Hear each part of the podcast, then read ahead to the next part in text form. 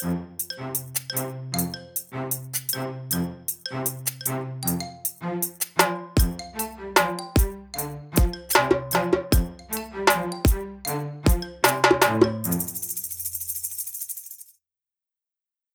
och välkommen till Stacken. Daniel Gustafsson är inte närvarande idag, men jag, Kim Hindart, är här och vi har en gäst med oss idag. Amelia Andersdotter. Hej, Hej och välkommen Amelia. Hej. Tack för att jag fick komma hit. Eh, vem är du? Berätta lite om dig själv. Jag heter Amelia Andersdotter. Jag driver föreningen Dataskydd.net Sverige som 2015. Eh, vi tittar på identitetsfrågor i en svensk kontext. Väldigt mycket dataskydd på webben, i offentlig sektor, i svensk politik kring dataskyddsfrågor och eh, rätten till privatliv. Eh, tidigare har jag varit EU-parlamentariker för Piratpartiet och bland annat jobbat med framtagandet av EUs allmänna dataskyddsförordning. Fantastiskt intressant för en ja, nörd som mig, men hur kom du in på det här egentligen? Jag tänker det är ett lite udda spår så jag har haft ett ganska starkt teknik och naturvetenskapligt intresse från tonåren och sen när Piratpartiet grundades 2006 så Eh, fick det i alla fall för mig då en starkare politisk dimension. Eh, jag intresserade mig ganska tidigt för typ tekniköverföringsfrågor, internationell politik och det var så jag kom in på Europeiska unionen och bara praktiskt sett så styrs väl kanske det mesta om IT-frågor även i Sverige från EU, i alla fall de ekonomiska aspekterna, påverkas väldigt starkt av europeisk lagstiftning.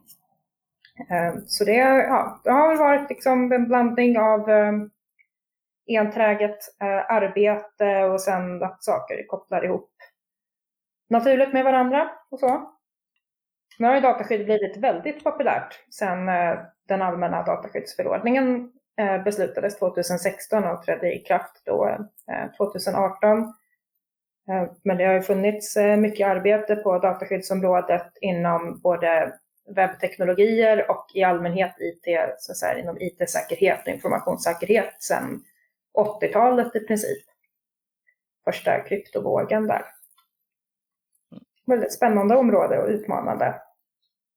Hur ser du på det här med dataskydd i allmänhet? Vad känner du? Har vi fått någon förankring rent folkligt? Är det någonting som fortfarande bara är vi få som är intresserade som bryr sig eller tror du att det börjar komma ut mer allmänt? Allmänheten har alltid varit intresserade av eh, dataskyddsfrågor och identitetsfrågor och det ser man kanske inte minst i den här rapporten som Datainspektionen släppte 28 januari i år där då liksom, vilken typ av frågor det är som allmänheten oftast, eller klagomål som allmänheten oftast vänder sig till Datainspektionen eh, Eh, med att göra. Så det intresset har alltid funnits där, men sen är ju IT-system kan vara ganska komplexa. Värdekedjorna kring IT-system är internationella. Det är många olika komponenter. Det finns en ganska stark von oben-attityd, kanske både bland tekniker men också i den offentliga förvaltning som drivit fram mycket teknisk eh, utveckling. Eh, och det gör väl att många också inte upplever att de är i god ställning att faktiskt eh, till fullo eh, liksom ge uttryck för, sig, för hur de skulle vilja att deras personuppgifter hanteras. Eh, så, ja, jag upplever att det, ofta, att det ofta finns en sån tendens att se ner lite grann på privatpersoner i eh, eh dataskyddssvängen.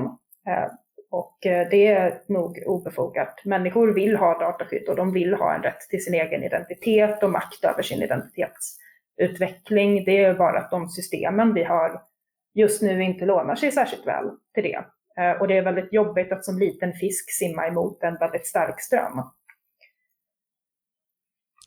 Tror du vi som medborgare inte tar tillvara våra rättigheter riktigt fullt ut som vi borde? Medborgare försöker nog ta tillvara på sina rättigheter, men i, i slutändan så är alltså institutioner som myndigheter och företag har väldigt mycket makt i förhållande till privatpersoner.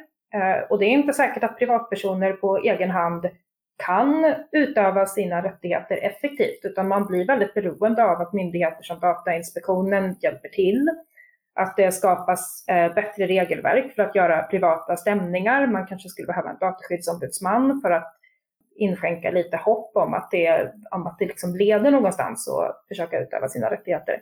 Men jag tror att många, så förvånansvärt många ändå har inspirerats av exempelvis allmänna dataskyddsförordningen att försöka utöva sina rättigheter lite mer aktivt. Eh, och sen kommer väl ännu fler personer att utöva sina rättigheter aktivt på dataskyddsområdet om det visar sig att det finns praktisk effekt av det. Det är i slutändan så att det, tar, det, det är en liksom ansträngning också att försöka utöva sina rättigheter. Precis som det är en ansträngning att försöka utöva sin yttrandefrihet eller någon annan rättighet, rätten att rösta och sådär. Jätteintressant. Låt oss eh, gå till det då.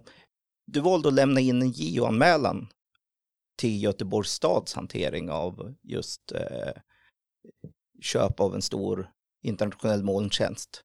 Berätta lite mer om det. Ja, Dataskydd.net lämnade in en eh, anmälan till riksdagens ombudsmän mot Göteborgs stad för deras användning av tjänsten Office 365 från Microsoft.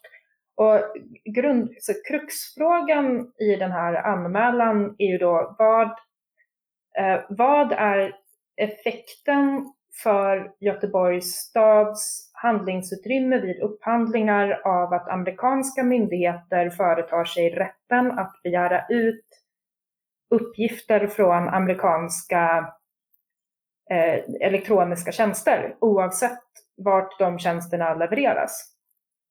Tidigare har det varit så då, eh, eller man vet väl kanske inte riktigt hur det var tidigare därför att det klargjordes aldrig i amerikansk domstol, men det presumerades i alla fall tidigare att det var så att om datat inte låg på en server i USA, så på amerikanskt territorium, så kunde amerikanska myndigheter inte begära ut dem. Men eh, det har man ändrat med en lagstiftning som heter Cloud Act som eh, trädde i kraft 2018.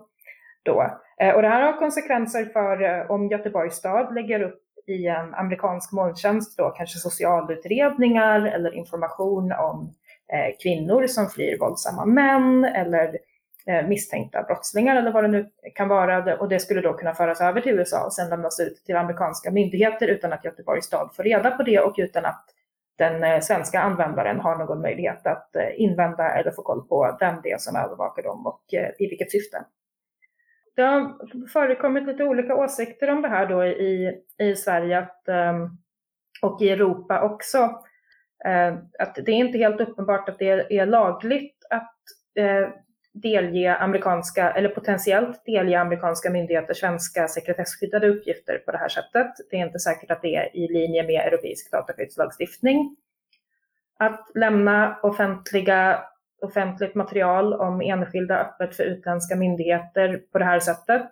Um, olika aktörer har observerat det, som eh, nätverket ESAM har exempelvis uttryckt uh, uttryckt ståndpunkten då att det här inte nödvändigtvis är lagligt att använda sådana här tjänster.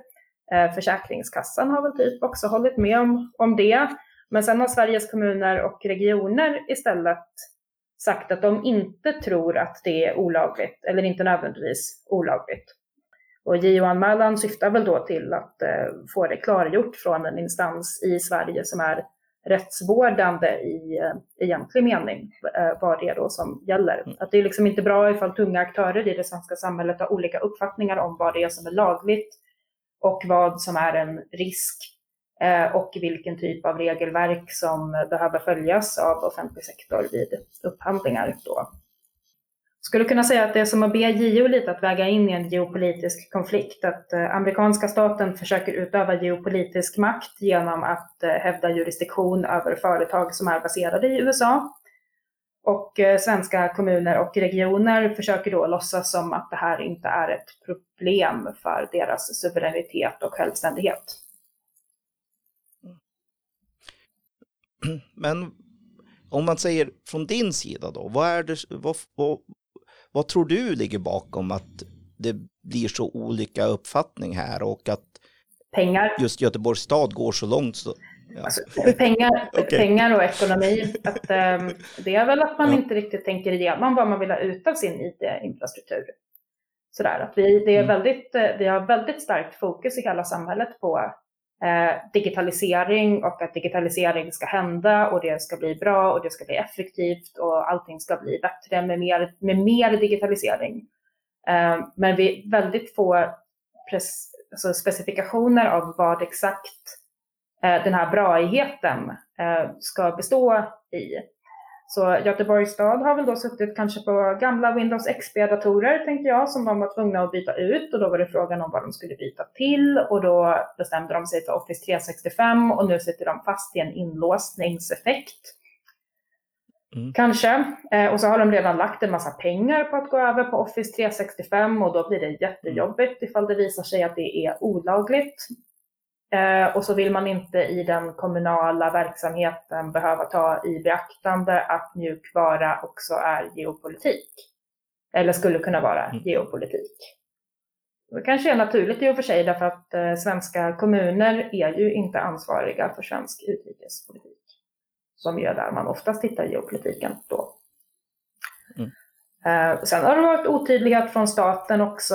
Att det är väl liksom i allmänhet så att mm. med eh, både sekretess, alltså i IT-sammanhang så har man inte egentligen tittat så mycket på geopolitik sedan 70-talet. Vad det innebär med exempelvis digital eh, suveränitet är ett begrepp som eh cirkulerar mycket i Bryssel och EU-kretsar nu. Och det funderade man jättemycket på på 70-talet om man går tillbaka och tittar på statliga utredningar från den tiden. Men man har liksom inte riktigt lyft det sedan 80-talet i princip i Sverige.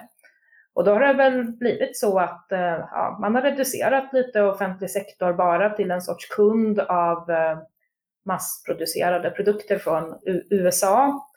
Eh, och sen har det blivit problem av det. Om vi tittar nu då lite grann för att se det Göteborgs stad försöker motivera det här med är ju att risken är jätteliten. Hur ser du på det hela? Är det okej okay att bryta mot lagen om det ändå är liten risk? Sannolikheten att USA verkligen begär ut data och att man ska lida av det, är inte det okej okay då för att vi måste digitaliseras? Det är ju inte okej okay för icke-kommunala aktörer i svenska samhället att bryta mot lagen lite grann. Jag får till exempel inte röka jättelite cannabis. Det skulle vara olagligt oavsett hur lite cannabis jag rökte. Eh, och då är det ju mm. rimligt att även kommuner måste följa lagen helt och hållet. Om jag som medborgare när jag agerar som privatperson måste göra det. Så det finns en inneboende, vissa har lyft då att um, att man faktiskt får bättre teknisk säkerhet av, av Office 365. Att om man tänker sig att ett system ska utvärderas utifrån eh, hur bra ett tekniskt system är på att göra det man förväntar sig att det ska göra. Eh, då kan det ju mycket väl vara så att de här amerikanska molntjänsterna faktiskt är ett steg framåt för de flesta kommuner. Man får högre teknisk säkerhet. Datorn gör det man förväntar sig att datorn ska göra, det man har sagt att datorn ska göra. Och sen finns det då den här juridiska säkerhetsaspekten som är vad är det då man förväntar sig att datorn ska göra? Och en av de förväntningar som finns i svensk och europeisk lagstiftning är att data inte ska lämnas ut till amerikanska myndigheter. Eh, och det Göteborgs stad eh, fastnar på eh, här är att förväntningarna på systemet är fel. De förväntar sig att systemet ja, det, liksom, det, finns en, de måste, det, finns en förväntan på att systemet inte ska funka så som systemet eh, är byggt för att fungera. Men med det sagt så kan det ju fortfarande vara så att systemet, alltså att systemet funkar på det tilltänkta sättet på ett eh, tekniskt förutsägbart och säkert sätt. Mm, liksom, distinktionen där är eh, klar. Kortfattat är svaret på din fråga då att eh, Göteborgs stad visst måste följa lagen och de får inte göra avsteg från lagen lite grann, för det det funkar inte så. Eh, Göteborgs stad har ju också ett moraliskt ansvar att visa medborgarna att det går att följa lagen. Om man börjar, om tunga instanser i samhället börjar eh, göra uppror mot lagstiftningen och visa att de inte bryr sig om den och att, eh, att det här med regelverk och sånt kanske är lite mer som eh, riktlinjer. Så blir det liksom Pirates of the Caribbean över hela svenska samhället istället för en regelbund regelbund, regelstyrd rättsstat som samhälle tjänar vi mer i det långa loppet på att alla aktörer följer de gemensamma regler som har upprättats och att kommuner och regioner föregår med gott exempel i det avseendet. Annars är det ju anarki. Ja, det jag är lite intresserad av det var just att ni gick till, valde att lämna in det här till JO och be om ett utlåtande från justitieombudsmannen. Hur tänkte ni där jämfört med att lämna in det till Datainspektionen och bråka åt det hållet till exempel? Det är ju ändå de som ändå i slutändan också är lite mer ur just eh, personuppgifter eller till, övriga tillsynsmyndigheter angående offentlighet och sekretess till exempel. Det finns ju flertalet där Socialstyrelsen är involverad på sitt håll. Vår JO-anmälan rör, eh, rör en massa breda teman som exempelvis eh, måste Göteborgs stad följa svensk lagstiftning? Eh, och eh, vad gäller egentligen för sekretessreglerade uppgifter i molntjänster enligt offentlighets och sekretesslagstiftningen? Eh, och sen dessutom vad gäller i förhållande till EUs dataskyddsförordning. Men Datainspektionen har ju då bara tillsynsansvar för en liten bit av de frågor som vi har försökt lyfta i JO-anmälan. Specifikt det som rör då EUs dataskyddsförordning och personuppgifter. Eh, på motsvarande sätt så har Socialstyrelsen bara ansvar för en liten del av problemområdet som vi försöker lyfta då, som kanske specifikt då socialjournaler vid utredningar och sådär. Eh, Riksdagens ombudsmän, JO, har då möjlighet att ta ett lite bredare grepp på stora frågor som rör inte bara dataskyddsförordning eller Socialstyrelse utan liksom hela paketet av skyldigheter som myndigheter har. Eh, så det vi hoppas är väl då att JO ska kunna ta ett helhetsgrepp kanske om det här och skapa förtydliganden inte bara inom få snäva områden utan också skapa liksom en helhetsbild av vad, vilka skyldigheter svenska myndigheter faktiskt har när de upphandlar molntjänster. Så så har vi tänkt när vi formulerade anmälan och valde, oss, valde att vända oss till specifikt JO då. Ja.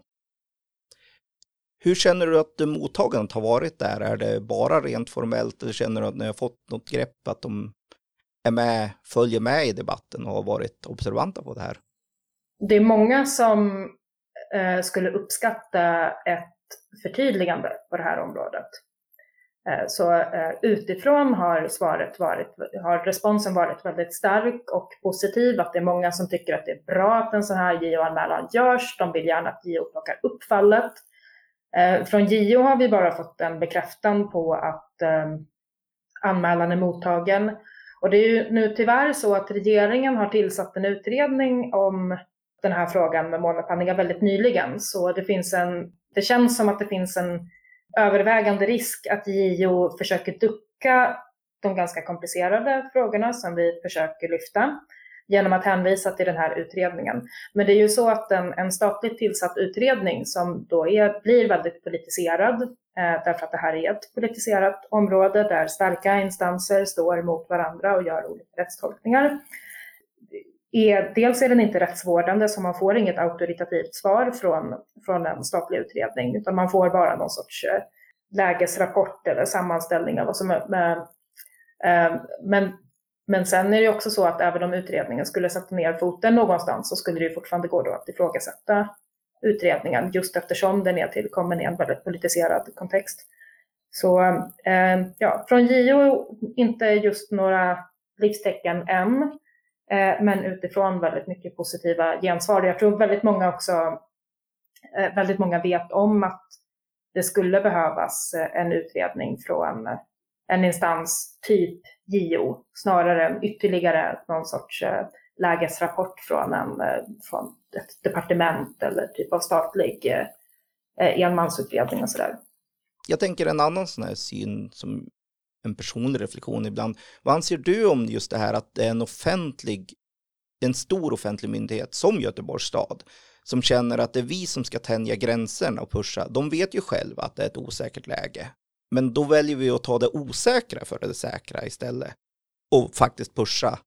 Om jag får gå tillbaka då till 1970-talets eh, utredningar om IT-system, så på, på 50 och 60-talen fanns det en enorm optimism om att datorisering skulle leda till på något sätt samhällets frälsning, att nu skulle det bli kostnadseffektivare och enklare och bättre och rättvisare och bättre jämsvikt. Och det var en massa så positiva attribut som tillmättes till eh, till datorer. Men sen kom det en, en utredning 1979 som hette ADB och sårbarhet. Där man då plötsligt liksom når insikten om att alltså, de här systemen kostar pengar och är svåra att hantera och kan eh, bete sig ibland eh, oförutsägbart. Vad ska vi göra? Eh, och man har liksom inte tagit sig över den här chocken från 1979 än, tror jag. Eh, att eh, Göteborgs stad tänjer på gränserna för att de har en budget. Det är dyrt med IT, det är svårt att planera stora och komplexa system. Man har ofta alldeles för mycket förväntningar på vad IT-system ska uppnå. Att de ska liksom göra allt och inget samtidigt. De ska vara bäst, de ska skapa bättre kontrollåtgärder, de ska skapa tillit, men de ska också skapa kontroll. Ja, så eh, förmodligen är det väl bara så att det är svårt. Det är liksom så här uppblåsta, uppblåsta förväntningar, dålig styrning, dåliga idéer, eller liksom bristfälliga idéer om vad det är man egentligen försöker uppnå alldeles för många parallella målsättningar i samma process. Ehm, inlåsningseffekter, att man redan har varit kanske Microsoft-kund i 30 år och har svårt att bryta sig loss. Man underskattar komplex, man har underskattat liksom konsekvens, konsekvent i nästan ett halvt sekel komplexiteten och behovet av styrning av de här processerna. Och då är det klart att då, ja, det blir problem då. Styrningen har då också under, den här, under de här årtiondena blivit sämre, inte bättre. Så man hade oftast typ, alltså större klarhet och målmedvetenhet när man utredde frågor på 70-talet än vad man har haft de senaste 15 åren. Det är liksom kommission på delegation på enmansutredning som avlöser varandra eh, nu i nästan 20 år eh, på den statliga nivån och så uppnår man ändå ingen klarhet i vad målsättningarna är, utan då har man konkluderat att Sverige ska vara bäst. Det, vi ska vara bäst på digitalisering och det är ungefär så långt man har nått i sina mm. digitala ambitioner. Berätta gärna lite mer Amelia om dataskydd.net. Dataskydd.net är en ideell förening. Så vi är några personer som har gjort gemensam sak för att titta på eh, ja, politiska processer i Sverige när framförallt eh, staten eller regeringen gör utredningar eh, och lägger politiska förslag, hur de är utformade och hur väl de överensstämmer med det vi känner till ifrån forskningsläget på dataskyddsområdet och IT-säkerhetsområdet och hur man på bästa sätt gynnar individers intressen och självständighet i digitala miljöer. Så jag har gjort ganska mycket eh, advocacy-arbete där man skriver så här remissvar, eh, hjälper utredningar med bakgrundsinformation om vad som är bra för vilka typer av rättssäkerhetskontroller och tekniska kontroller som är bra för individer. Sen har vi också jobbat mycket med hur man kan eh, utveckla dataskyddande webbplatser. Vad är liksom etisk webbplatsdesign? För offentlig sektor. Så ett av våra eh, största och mest populära projekt som också har ganska stor internationell spridning är då webbkoll, webbkoll.dataskydd.net där man kan gå in och titta ifall ens webbplats uppfyller olika dataskyddskriterier och om de in, tekniska dataskyddskriterier då. Och om de inte gör det, vad man kan göra för att eh, förbättra sin webbplats. Eh, så Webkoll har varit väldigt populär faktiskt. Vi har stor spridning i både Tyskland och eh, Frankrike så det har varit en jättekul, ett jättekul projekt att jobba med faktiskt. I Göteborgs stad, ingen av oss bor i Göteborg direkt, eh, utan eh, eh, vi bor på andra platser i världen, vi som är med, utom en medlem kanske. Ja. Jag håller inte så noga koll på var våra medlemmar bor, vi är trots allt en dataskyddsförening. Vi har varit involverade i politiska processer på den statliga nivån kring eh, så här, digitaliseringskommissionen, kanske den hette, och eh, den här digitalförvaltning.nu, olika tankar om hur man ska organisera den allmänna förvaltningen och styra den från den statliga nivån. Och eh, när vi skulle göra JO-anmälan om molntjänster då, så det här har ju varit en puttrande konflikt i ett par år nu, att e-samverka och SKR har bråkat med varandra mer eller mindre intensivt om vad rättsläget är. Eh, Göteborgs stad är ett av de exempel i Sverige som är mest talande för konflikten kring vad som gäller för sekretesskyddade uppgifter och molntjänster och sådär. Så det var väl naturligt när vi ville göra en aktion för tydligare rättsläge i Sverige att välja just Göteborgs stad som exempel. Med det sagt så är vi också då en ideell förening så det är inte så att vi är med och till exempel eh, rådger Göteborgs stad inför upphandlingar eller eh, sådär. vad tror du då om, när jag pratar med mina kollegor i branschen så möts jag ofta av argumentationen, men vi lägger ingenting känsligt, vi lägger ingenting säkerhetsbelagt, vi lägger inga personuppgifter i vår mail. Ja, fast det, man lägger ju personuppgifter i mail. Det, det är jättesvårt att undvika det. Man kanske inte tänker på att man gör det. Eh, men det är för att det ofta är väldigt, det är väldigt lätt att glömma bort andras privatliv. Eh, därför att vi står alla oss själva närmast. Mm. Det är också en av de stora utmaningarna med dataskydd som juridiskt område. Dataskydd och eh, så här, rätten till identitet och självständig identitetsutveckling. Det är någonting som är väldigt lätt att relatera till liksom med, oss, med oss själva, men förutsätter att vi i förhållande till andra människor alltid uppfattar oss som antagonister. Och det är inte någon naturlig självbild att ha. För normalt sett tänker vi oss att om vi vore antagonister till andra personer eller om vi betedde oss på ett sätt som vi uppfattade som antagonister så skulle vi göra någonting eh, annorlunda. Eh, men det är därför vi har lagar och regler i offentlighets och sekretesslagstiftningen och i EUs allmänna dataskyddsförordning som hjälper oss att eh, markera när det är att vi blir eh, antagonistiska eh, Eh, eller riskerar att vara det så att vi ska kunna tänka på det fastän det är svårt. Eh, och då är det naturligtvis så att det även i mejlkonversationer förekommer personuppgifter. Det är jättesvårt för mig att förstå att man inte skulle fatta det faktiskt. Om vi tittar då på en annan sån här argumentation som kom, florerar mycket i debatten om just det här att Hej, jag vill göra ett förtydligande här också för bara att det här är inte ett officiellt statement från Microsoft. Det är ju ingen hemlighet att vi pratar just om Microsoft. Det är bara de som levererar Office 365. Så det här är någonting jag möts av i många diskussioner och debatter med olika organisationer och instanser i diskussionen om just det här med ska vi använda Office 365 eller inte. Tyvärr möts jag av det här många fler gånger än en, vilket är alldeles för mycket. Om vi tittar då på en annan sån här argumentation som kom, florerar mycket i debatten om just det här att vi måste rätta oss efter vad Microsoft vill. Annars stannar ju all digitalisering i Sverige. Så att om vi har lagar som går emot Microsoft så är det vi som ska anpassa oss, inte Microsoft. Um, nej. Uh, uh, uh, finns det här argumentet på riktigt? Ja. Okej. Okay.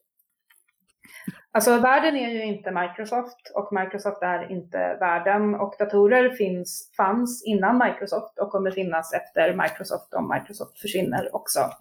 Eh, och det som är jätteviktigt för exempelvis en kommun eller svenska företag eller svenska regeringen är att man har en självständig och egen bild av vad man vill uppnå med IT-användning.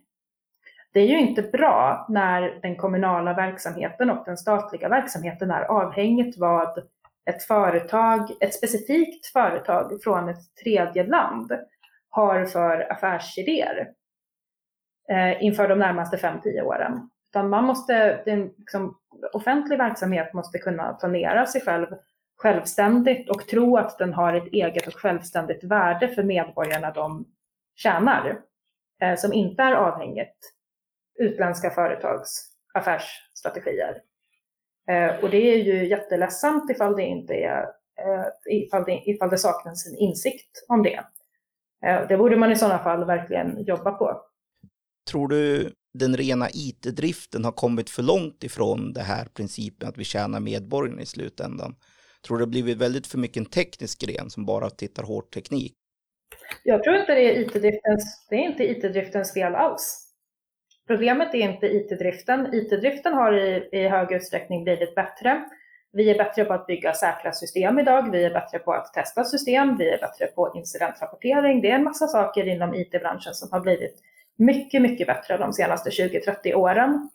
Utan problemet är att det saknas eh, visioner och ledning på liksom, den politiska eh, och administrativa nivån. Att det är liksom inte IT inte IT-systemen eller de som jobbar med IT-system och utvecklar dem det är fel på, utan det är politikerna och eh, liksom högre chefer som det är fel på.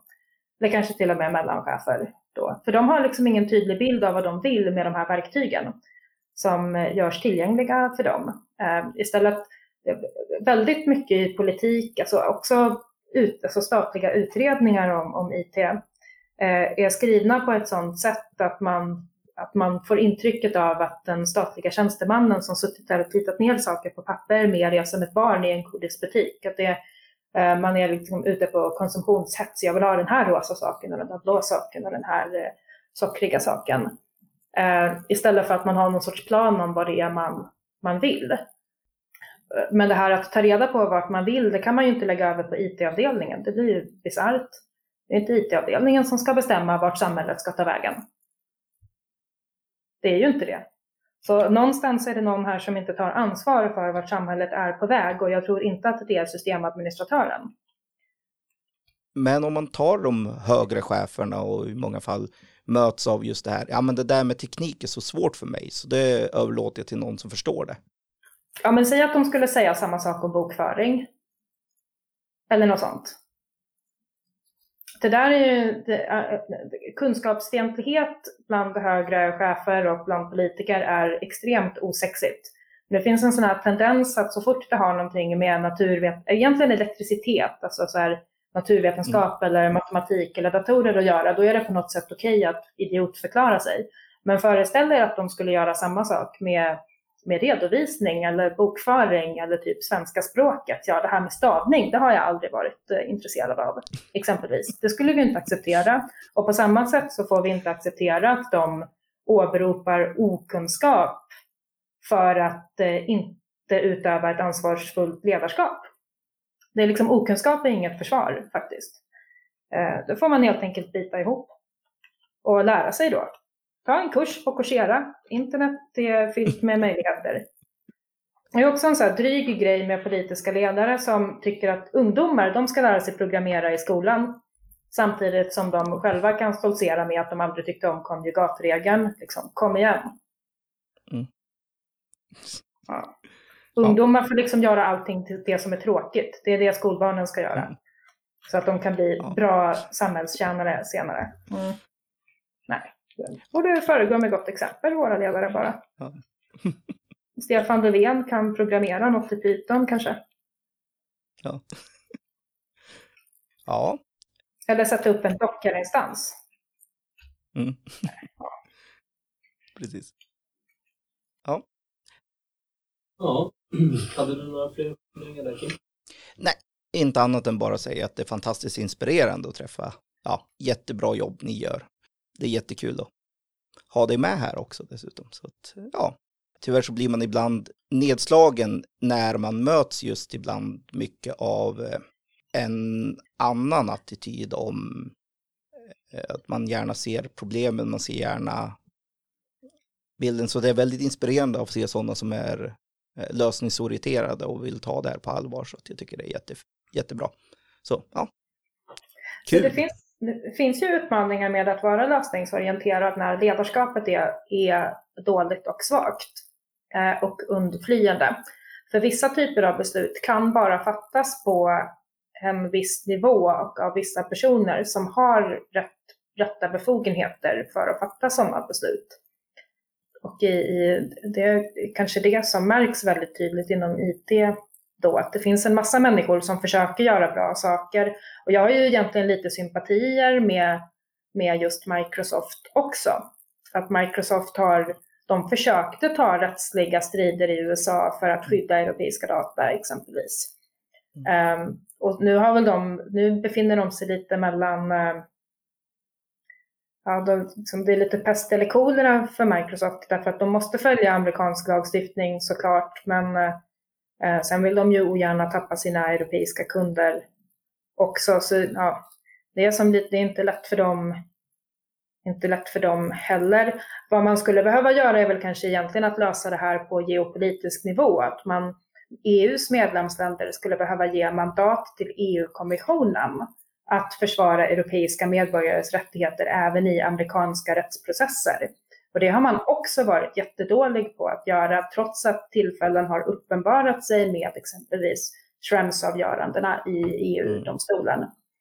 Eh, att eh, det är liksom på de allra högsta nivåerna, så statsministrar, EU-kommissionärer, myndighetschefer, där är eh, ansvarstagandet väldigt, väldigt lågt. Underflyendet är väldigt högt och då blir det ju problem för vanliga liksom, människor som jobbar med IT-drift på, på marken oavsett hur duktiga och passionerade och ambitiösa de är. Eh, för man, ja, man kan helt enkelt inte... Ett, vissa typer av ansvar måste utkrävas på en viss nivå eh, och idag saknas den viljan och insikten på, på rätt nivå för att eh, få saker att bli liksom, bättre och enklare. Det är synd. Eh, men kanske kommer någon eh, i maktställning och lyssna på er podcast och komma på att de behöver göra bot och bättring. Vi får hoppas. Vi får ja, vi hoppas det. Ja. Mm. Nej, men äh, jätteinspirerande. Vad, vad, känner du på EU-nivå då? Har EU kapitulerat lite grann för de här amerikanska stortjänsterna eller hur, EU, EU är en, som en mix av en massa medlemsländer som har lite olika ambitioner och geopolitiska inriktningar. Eh, och sådär. Att vissa medlemsländer vill vara jättenära och avhängiga USA och då kanske det inte gör så mycket att man eh, mm. blir beroende av USA även liksom, i mjukvara. Och sen är det andra medlemsländer som känner lite starkare för att man behöver också digital suveränitet. Eh, och det är inte uppenbart hur de här två olika linjerna ska jämkas. EU-kommissionen har väldigt svårt att gå politiskt emot medlemsländerna. Så om medlemsländerna inte ger politiskt stöd till EU-kommissionen eller går bakom ryggen på EU-kommissionen med eh, ja, amerikanska regeringen i det här fallet då, eh, då blir ju EU-kommissionen väldigt svag och kan liksom inte försvara europeiska intressen på det sätt den kanske vill eller uppfattar sig ha mandat till. Eh, så EU är liksom mycket, mycket sånt. Det är ganska spretigt sådär. Eh, när EU skulle förhandla Privacy Shield-avtalet med USA för att ersätta det Safe Harbor-beslutet från 2001 som ogiltigförklarades i EU-domstolen 2015. Det handlar om dataöverföringar då från EU till USA. Då menade svenska regeringen, eller svenska regeringen framförde då till EU-kommissionen att det var mycket viktigt att EU-kommissionen inte ställde några ultimatum på amerikanska regeringen. Men problemet med den europeiska konstitutionella rätten är ju att den är ett sorts ultimatum. Eh, så det svenska regeringen egentligen gjorde när den skickade ner representanter till Bryssel för att påtala för EU-kommissionen att den inte fick ställa krav var ju att förhindra EU-kommissionen politiskt från att göra eh, eller uppnå i förhandlingarna det som EU-kommissionen kanske rättsligt eller konstitutionellt egentligen var förpliktigad att göra. Eh, och det är jättesvårt för EU-kommissionen att arbeta runt det, för EU-kommissionen mm. kan ju liksom inte heller eh, Ja, den kan ju inte attackera medlemsländerna politiskt exempelvis. Mm. Eller medialt sådär. Så det är svårt för EU-kommissionen att bara försvara sig mot eh, sådana så här, gliringar från medlemsstatsnivå. Mm. Borde vi utöva mer krav på våra politiker i valsedeln, tycker du? Det är jättesvårt att ställa krav på politiker i valsedeln. Eh, sådär. Jag är lite, det är våra medier skulle behöva bli bättre på att utkräva ansvar av politiker. Och så. Och inte bara för så här, eh, inom IT-säkerhetsfrågor då så skulle det vara bra ifall ansvaret inte bara utkrävdes för här, struntgrejer av typen en server låg nere två timmar en onsdag kväll i augusti. Mm. För det är liksom inte, det läser man artiklar om till och från idag, utan kanske snarare då så här, eh, som det här med ultimatum, liksom, att varför beordrade svenska regeringen egentligen EU-kommissionen att inte uppfylla europeisk lagstiftning? Jag tycker Göteborgs-Posten i just det här Göteborgs stad-fallet med molntjänster och så, de har försökt Eh, ändå eh, följa frågan lite grann. Men eh, mediaorganisationer skulle behöva bli mycket bättre på att, eh, på att följa IT-politik och att eh, ställa politiker till svars. Eh, inte bara efter partifärg utan liksom i, i, i allmänhet bara. Ehm, det är jättefrustrerande att se när regeringen lanserar stora IT-initiativ Eh, genom presskonferenser som läggs två dagar innan förslagets text offentliggörs.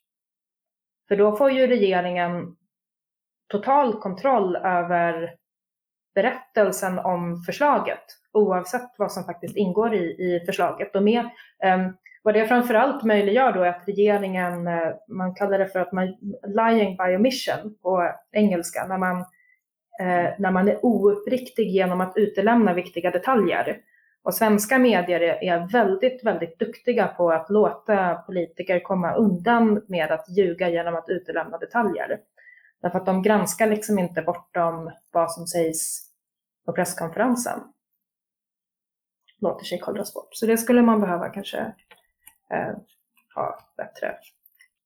Göra det lättare att stämma myndigheter tror jag också skulle vara bra så att man fick mer individuellt ansvarsutkrävande. Så det är jättesvårt att se utifrån valsedeln, alltså vi har ju listsystem. Eh, så jag har bott i Malmö nu ett par månader och om man tänker då som den personen som står etta på Socialdemokraternas lista i Malmö mm. kommer ju alltid bli omvald.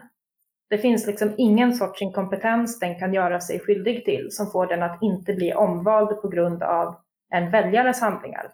Utan det enda sättet ettan på Socialdemokraternas lista i Malmö inte hamnar i riksdagen är om Socialdemokraternas valberedning inte vill det. Eh, mm. Så då finns det liksom mycket begränsat med eh, inflytande som jag som enskild väljare kan utöva i det läget. Det var bara ett exempel, det var inte meningen att peka ut Socialdemokraterna. Det är samma sak gäller för exempelvis Moderaterna och sådär. Alla stora partier. Mm. Mm. Yes. Som vanligt, vi har länkar till allt relaterat material nere i beskrivningen. Och tack så mycket för den här gången. Tack så jättemycket Amelia. Vi hoppas innerligt vi kan få ha dig som gäst lite till. Vi vet att du ska flytta till Bryssel så eh, jättelycka till med det också. Vi tack, tack. ser med stort intresse fram vad dataskydd.net tar sig till framöver också. Hälsa far också. Jag gick schackskola hos honom en gång i tiden, så det är en liten sidonot. Ja, men det ska jag göra. Det kommer han bli glad av. Och... Ja, så det är jättebra. Och jättebra skola. Mm. Okej. Ja, det. Hej, hej. Så ni andra, följ dataskydd.net. Det är jätteintressanta saker och bra saker de gör. Thank you.